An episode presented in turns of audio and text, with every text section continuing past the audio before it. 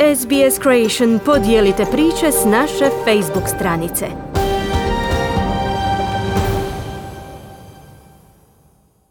Slušate radio SBS na hrvatskom jeziku. Ja sam Mirna Primorac. Vlada Novog Južnog Velsa pokrenula je novu reklamnu kampanju koja podržava zakone o seksualnom pristanku koji stupaju na snagu sljedeći tjedan. Kampanja Ne sumnjaj cilja na osobe od 16 do 24 godine pokretanjem serije videa na platformama društvenih mreža, uključujući Facebook i Tinder. Potvrdni seksualni pristanak bit će zakonski obvezan u Novom Južnom Velsu od sljedećeg tjedna s obrazovnom kampanjom koja je usmjerena na mlade ljude, dajući im do znanja kako to izgleda. Glavni državni odvjetnik Novog Južnog Velsa insistira da su zakoni zdrav razum i da ih ne vodi neka posebna ideologija.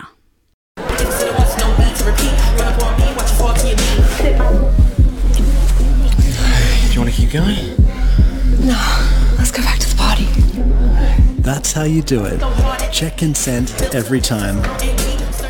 Ovako zvuči reklamna kampanja u Novom Južnom Velsu. Vlada ove savezne države je objavila seriju videa koja prikazuje mlade odrasle osobe kako traže pristanak u stvarnim životnim scenarijima kao što su zabave ili u spavačoj sobi. Osmišljena je kako bi educirala stanovništvo da ako se želite upustiti u seksualnu aktivnost s nekim, onda oni trebaju učiniti nešto ili reći nešto kako bi pokazali pristanak. Ili vi trebate učiniti ili reći nešto da biste tražili pristanak. Sexen Mullins žrtva je seksualnog napada, a bila je uključena u pokretanje ove kampanje i vjeruje da će kampanja imati veliki utjecaj. It's to stop sexual violence. And I think these campaign adverts really go the way in helping create that, that change and making sure that education is understood.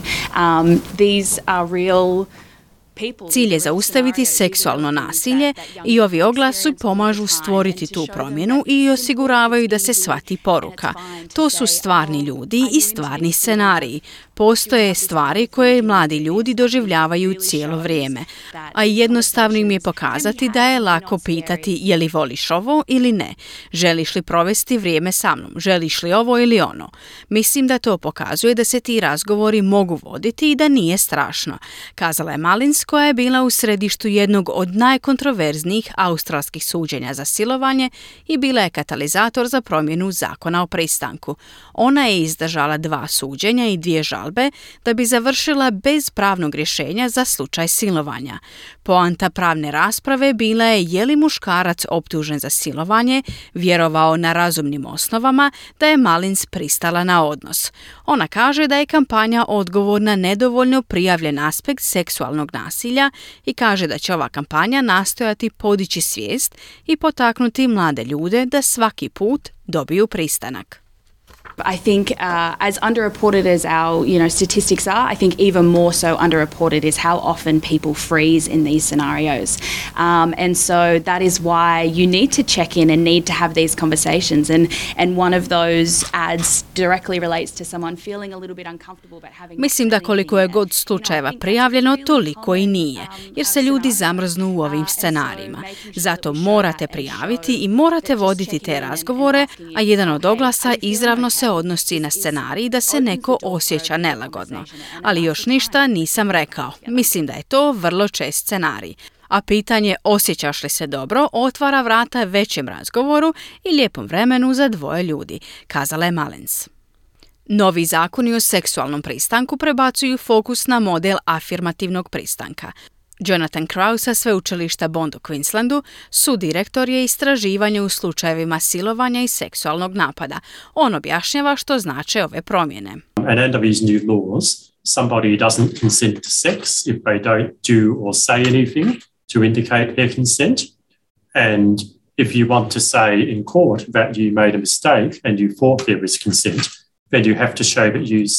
I prema ovim novim promjenama nitko ne pristaje na seks ako ne učini ili ne kaže ništa što bi naznačilo njihov pristanak. Ako ste na sudu, želite reći da ste pogriješili, onda morate pokazati da ste nešto rekli ili učinili kako biste pokušali saznati je li druga osoba pristala, kazao je Crow. Opijenost, nesvjesnost, prisila nisu oblici pristanka, a optuženik više neće moći tvrditi da je bio pod dojmom da je dobio pristanak. Glavni državni odvjetnik Novog Južnog Velsa, Mark Spakeman, objašnjava da se pristanak ne može pretpostaviti šutnje ili neaktivnosti i kaže da se reforme ne odnose samo na pozivanje počinitelja na odgovornost, već i na promjenu društvenog ponašanja, a kaže da je obrazovanje ključ za prenošenje te poruke. At the end of the day, these are common sense reforms. Uh, they're not about um, some kind of woke lawyer view of the world.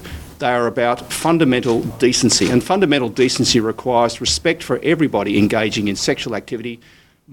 Na kraju krajeva ovo su reforme zdravog razuma. One se ne odnose na nikakvu vrstu probuđenog odvjetničkog pogleda na svijet.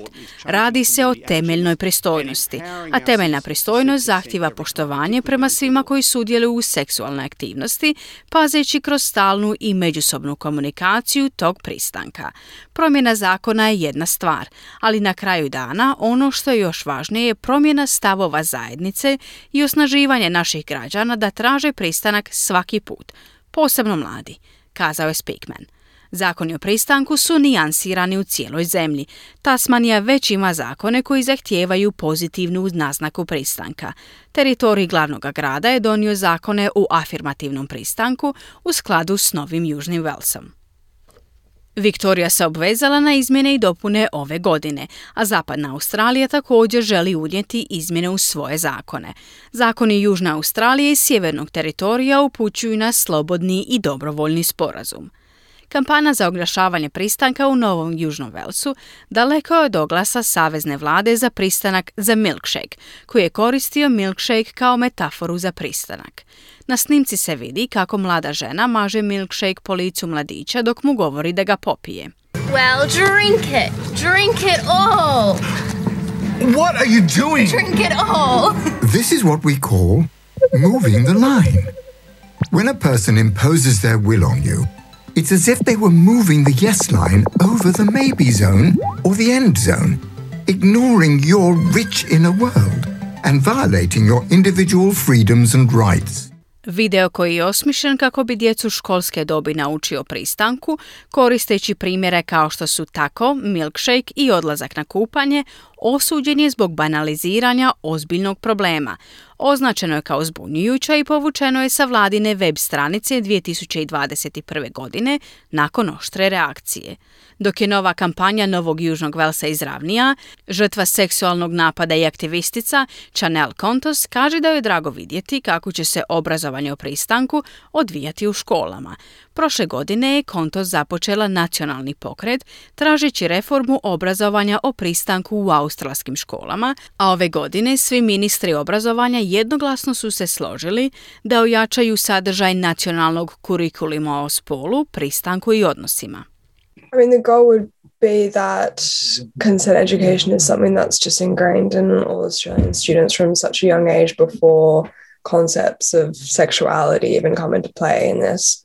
Um, and the goal is that we raise a cohort of Australians that are fundamentally respectful and value consent in all of their kind of social interactions.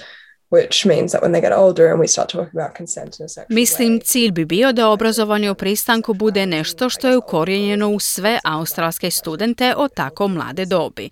A cilj je da podignemo skupinu australaca koja imaju temeljno poštovanje i cijene pristanak u svojoj vrsti društvenih interakcija, što znači da kada odrastu i počnu razgovarati o pristanku na seksualni način, to će idealno spriječiti seksualno nasilje. I pretpostavljam da krajnji cilj nije samo spriječiti spriječiti seksualno nasilje, ali je zapravo promicanje zdrave intimnosti na način na koji mladi Australci izražavaju svoju seksualnost i eksperimentiraju s tim stvarima, kazala je Kontos. Obrazovanje o suglasnosti sada će biti obavezno u svim australskim školama od sljedeće godine.